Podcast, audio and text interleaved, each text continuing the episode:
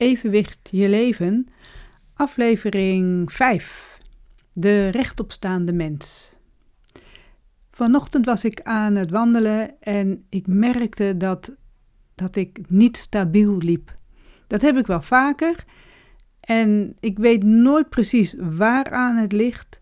In ieder geval, ik liep niet stabiel een beetje waggelend voor mijn gevoel. Lijkt erop dat, dat, tenminste, ik denk dan dat iedereen dat kan zien aan mij, dat ik niet helemaal recht loop. En ik merk ook dat ik de horizon, dat die niet helemaal recht is. Dat, dat wiebelt te veel. Dus het focussen lukt dan niet helemaal goed. En met dat wandelen vanochtend bedacht ik dan ineens van, daar wil ik iets over gaan, uh, gaan vertellen. Daar wil ik over podcasten omdat het niet gewoon is dat wij rechtop lopen. En dat heb ik ook beschreven in het boek Evenwicht in uitvoering. wij mensen kunnen namelijk iets heel bijzonders, want wij kunnen rechtop lopen. We kunnen rechtop staan en we kunnen lopen. We zijn namelijk de enige wezens die helemaal rechtop kunnen lopen op, op twee benen. En ergens dus in die evolutie, eh, tussen 4 miljoen en 2 miljoen jaar geleden, zijn er dus voorouders van ons geweest, van de mens. Die zijn ineens dus rechtop gaan staan en op twee benen gaan lopen. Dat is dus tegen de zwaartekracht ingegaan, want, want je hebt te dealen met de zwaartekracht. Op het moment dat je dus omhoog komt, kost dat natuurlijk ineens heel veel uh, energie, heel veel aandacht. Uh, het is waarschijnlijk heel moedig geweest van die voorouders van ons om ineens eens, het zal niet ineens zijn gegaan, die dus dan wel rechtop komen. Het kan zelfs zo zijn dat ze, net als een baby die leert opstaan met vallen en opstaan en wankelen, dat ook die voorouders van ons dat ook heel langzaam aan steeds meer rechtop zijn gaan uh, bewegen. Dat het eerst in het begin een keer was en alleen maar rechtop trekken. En op een gegeven moment dat ze dus steeds meer of steeds vaker dat gingen doen. Daar zullen dus wel voordelen aan, uh, aan zijn geweest. Dan ben ik even gaan zoeken in, in de boeken die wij hier in huis hebben. We hebben meerdere boeken over de evolutie van de mens. En in het boek van Yuval Noah Harari, Sapiens, ondertitel Een kleine geschiedenis van de mensheid, gaat hij dus ook even in op dat vermogen van ons. En ik ga dat even voorlezen. Een typisch menselijke eigenschap is dat we rechtop lopen, op twee benen. Staand is het makkelijker om de savanne af te turen naar de prooidieren of vijanden. En Armen die niet nodig zijn voor de voortbeweging, die blijven dus vrij voor andere doeleinden, zoals stenen gooien of signalen geven. En hoe meer die handen konden, des te succesvoller hun eigenaren waren. Dus de evolutionaire druk zorgde voor een toenemende concentratie van zenuwen en uiterst nauwkeurige spiertjes in handpalmen en vingers. Als, als gevolg daarvan kunnen mensen bijzonder ingewikkelde taken uitvoeren met hun handen. Ze kunnen met name ook complexe werktuigen maken en gebruiken. En de oudste sporen van het gebruik van werktuigen dateren van zo'n nou, 2,5 miljoen jaar geleden. En de productie en het gebruik van werktuigen zijn de criteria waaraan archeologen vroege mensen herkennen. Dus dat is even ook waar dit hele boek verder over gaat. Van, van wat er allemaal gevonden is aan, uh, aan bewijsmaterialen, hoe dus uh, de, onze voorouders geleefd hebben. Stukje verder. Maar rechtop lopen heeft ook zijn nadelen. Het skelet van onze aapachtige voorouders heeft zich miljoenen jaren lang ontwikkeld om een wezen te ondersteunen dat op vier poten liep en een relatief klein hoofd had. En het was dus een, nog een hele uitdaging om dat aan te passen aan een rechtopgaand postuur. Vooral omdat de stakestel een extra grote hersenpan moest ondersteunen. De mensheid moest zijn wijdse vergezichten en zijn nijvere handen beko bekopen met rugpijn en een stijve nek. Ja, en als je dan weet dat voor het evenwichtssysteem is dus de, de, uh, is de nek is een heel belangrijke schakel tussen het evenwichtssysteem en de rest van het lichaam. Dus dat, dat kan dan wel kloppen dat als je dus dan rechtop gaat staan, en wij mensen hebben dat, wij zijn dus allemaal rechtopstaand. En de evenwichtsorganen worden trouwens ook altijd bekeken vanuit de rechtopstaande stand. Als je een dier hebt, een, uh, een, een, kat, of uh, in ieder geval die op vier poten loopt, dan is, is het lichaam sowieso anders. Die ligt, dat ligt voorover en dan is die kop wel uh, rechtop, maar niet helemaal rechtop zoals wij dat hebben. Wij hebben ons, onze uh, gewrichten ook helemaal onder elkaar liggen. We hebben ons hoofd, daarna dus, komen dus de nek, de, de schoudergewrichten en dan gaat het zo naar beneden, het bekken, naar de knieën en naar de enkels toe. En dat ligt allemaal in één lijn. En dat, wij zijn het enige wezen die dat dus zo heeft. Dat is best heel bijzonder. En dat dat rechtop lopen dus niet, niet zomaar vanzelf is gegaan, nou ja, dat staat dus al in dit boek. En ik heb een ander boek gevonden.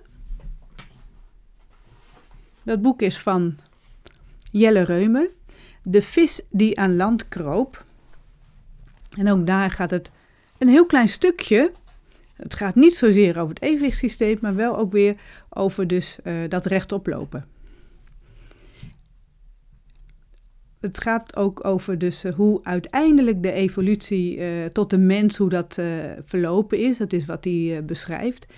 En een aantal belangrijke ontwikkelingen markeert deze evolutie. En ten eerste, en alleen het eerste, dat ga ik dus nu voorlezen.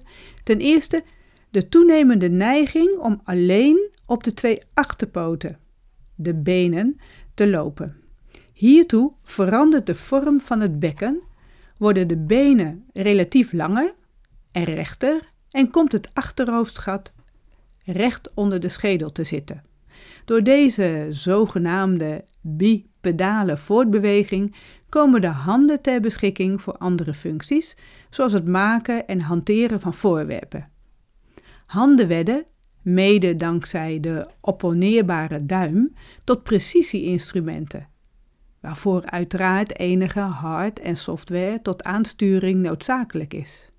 Die hard- en software zijn gezeteld in het brein. In het kielzog van de ontwikkeling van efficiënte tweebenige voortbeweging zien we dan ook de herseninhoud toenemen van gemiddeld een halve liter bij de Aust Australopithecus, eh, Australopithecus naar 1 liter bij Homo erectus tot anderhalve liter bij de moderne mens. Dus dat hele rechtoplopen heeft voor meerdere mogelijkheden gezorgd, waardoor dat brein dus groter is geworden. Dus we kregen veel meer mogelijkheden tot onze beschikking. We zeg ik, maar dus die voorouders van ons. En ik heb dat ook dus beschreven in, uh, in mijn eigen boek, omdat ik wel eens heel nieuwsgierig was naar wat de voordelen kunnen zijn van het rechtop lopen. Want dat rechtop lopen en, en dat staan, dat, dat moet wel voordelen hebben gehad. Anders hadden ze dat natuurlijk nooit volgehouden.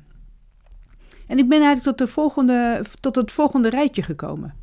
Je kunt namelijk dan de omgeving beter overzien.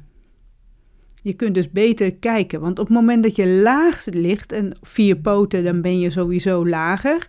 Of als je zelfs op de grond ligt, zoals heel veel dieren, uh, uh, slangen en, en andere dieren die heel laag bij de grond zijn, die hebben dus geen uh, zicht op wat er boven hun gebeurt. Die kunnen alleen maar vooruit kijken, dus je blikveld blijft dan veel kleiner. En ga je dus dan rechtop zitten, dan heb je al een breder blikveld. Dan kun je dus ook je hoofd gaan draaien. Dan kun je veel meer opzij ook kijken.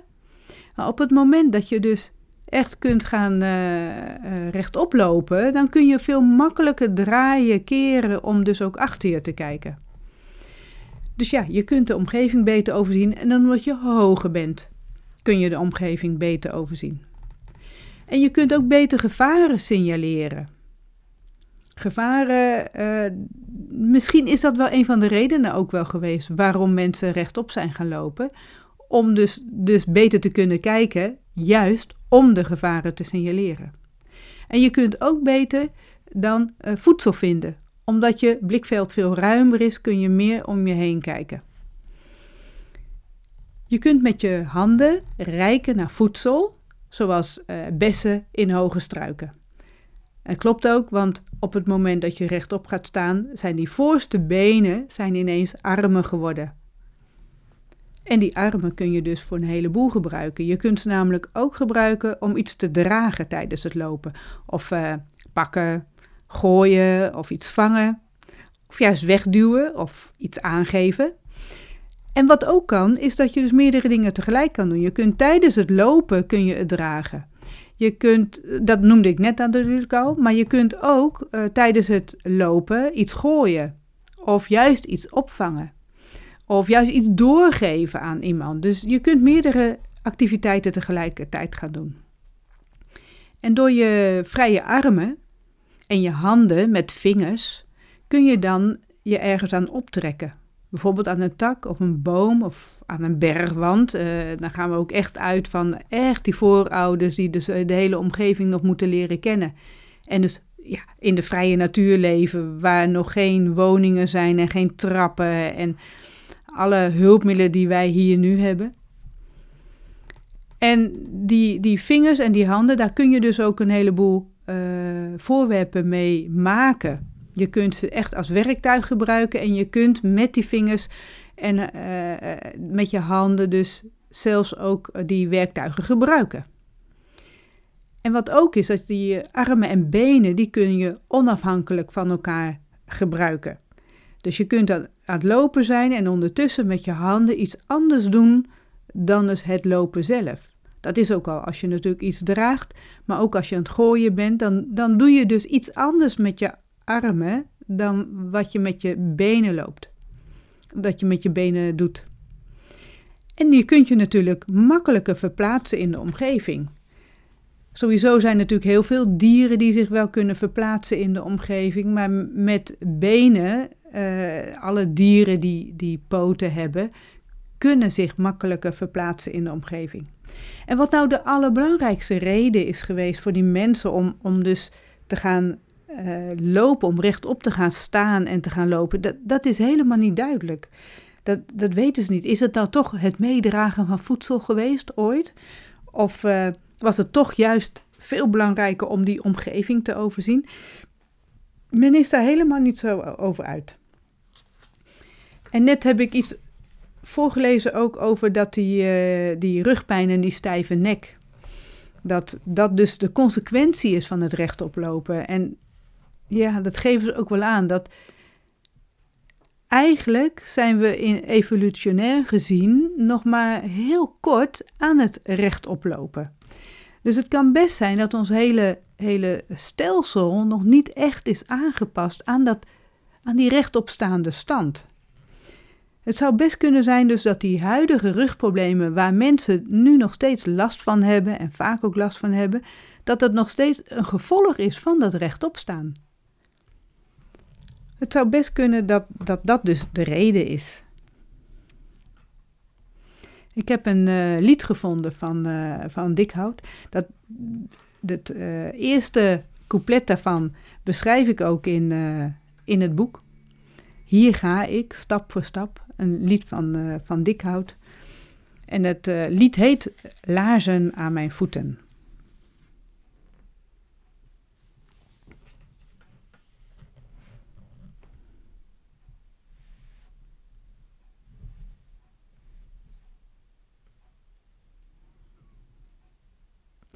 Ja, en zijn dan dus die uh, huidige rugproblemen dus een gevolg van dat rechtop staan?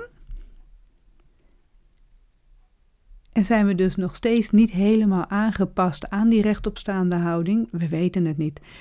Wat wel uh, opvallend is, is dat we van die rechtopstaande houding steeds meer naar een zittende houding gaan. En helemaal als we kijken naar de afgelopen periode, waarbij heel veel meer mensen thuis moesten gaan werken, betekent dat voor heel veel mensen ook dat ze dus veel meer aan het zitten zijn.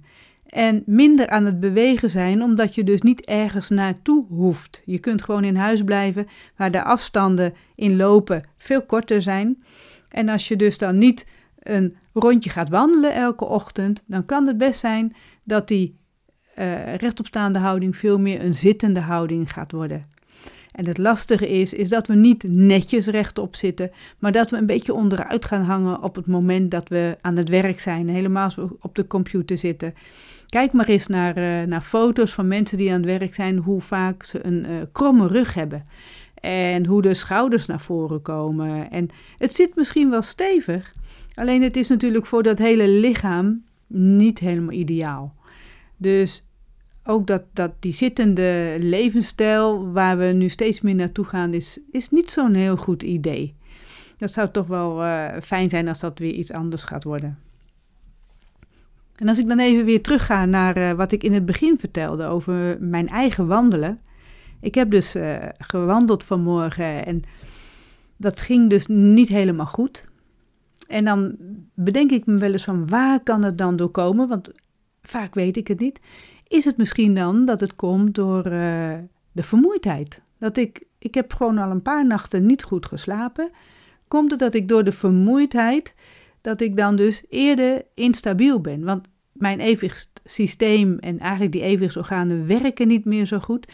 En kan het zijn dat door de vermoeidheid dat nog minder goed gaat werken? Of is het andersom, dat ik juist omdat ik instabieler ben, dat ik dan eerder vermoeid raak? Dat het niet zozeer aan het te weinig slaap is, maar meer aan de vermoeidheid, omdat het hele lopen zo'n ontzettend aandachtig proces is. Ik moet me echt met, met mijn hoofd, met mijn gedachten, met, met uh, waar ik kijk, uh, uh, met het luisteren, focussen op het lopen zelf om goed rechtop te blijven lopen, om goed rechtdoor te kunnen lopen. Of ik heb dus ook dan echt last van die nek pijnlijke nek ook. Komt dat dan doordat ik dus instabiel ben, dat, die, dat ik last krijg van die nek?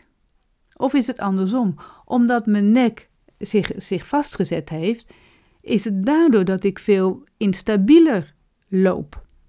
Dat als die nek veel soepeler zou zijn, en ik ga gelukkig morgen weer naar de fysiotherapeut en die haalt het elke keer bij mij wel los, kan zijn dat juist doordat het vastzit, dat ik daardoor ook niet soepel uh, kan lopen, niet soepel kan bewegen. Soms weet ik niet, wat is nou het kip of het ei? Wat, wat, wat is er nou eerst en wat is gevolg? Het is niet altijd duidelijk bij me. Ik denk wel dat, uh, dat die nek, als ik instabiel ben, als ik duizelig ben, als ik draaierig ben, me niet goed kan focussen, dat ik eerder mijn nek vast, vastzet en dat het soort zelfbeschermingsreactie van mijn lichaam is. Want op het moment dat ik heel snel zou omkeren met mijn hoofd, dan val ik gewoon om. Dus dat moet ik eigenlijk niet doen. Dus het kan zijn dat ik mezelf toch mezelf vastzet. En helemaal dat als ik draaierig ben, duizelig ben, dan is toch dat hele lichaam een beetje zijn balans kwijt.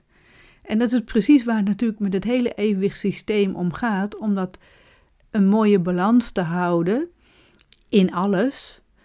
En ja, dan kom je weer op het hele vlak ook van uh, hoe komt het dat je dan niet helemaal in balans bent?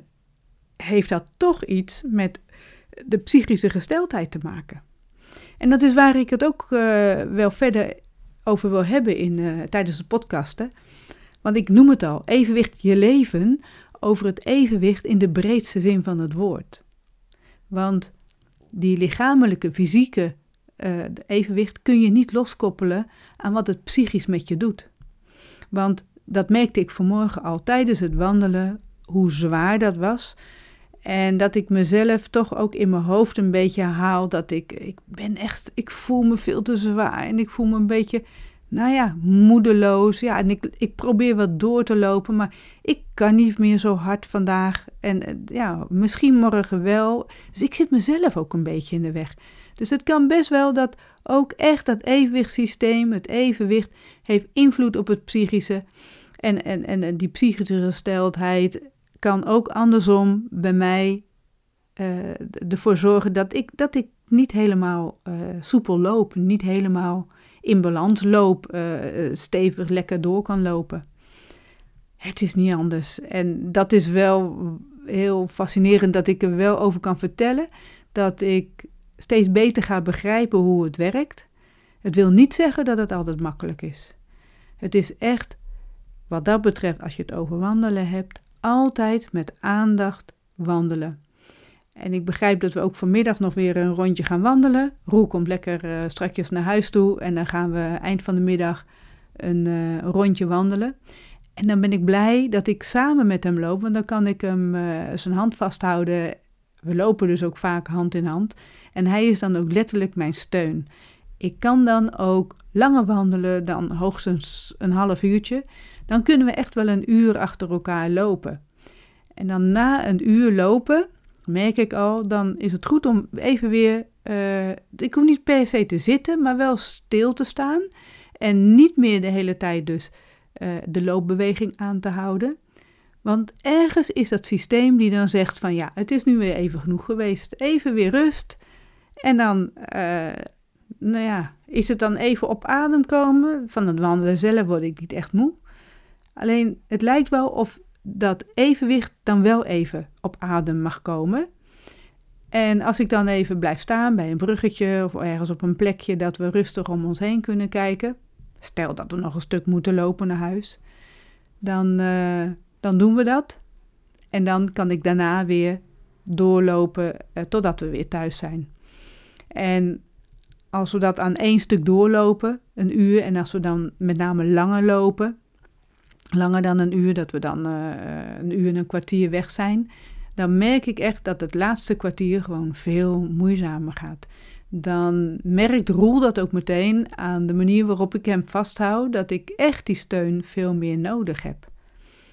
Ja, en dat heb je dus bij een wat falend evenwichtssysteem. Het is niet anders.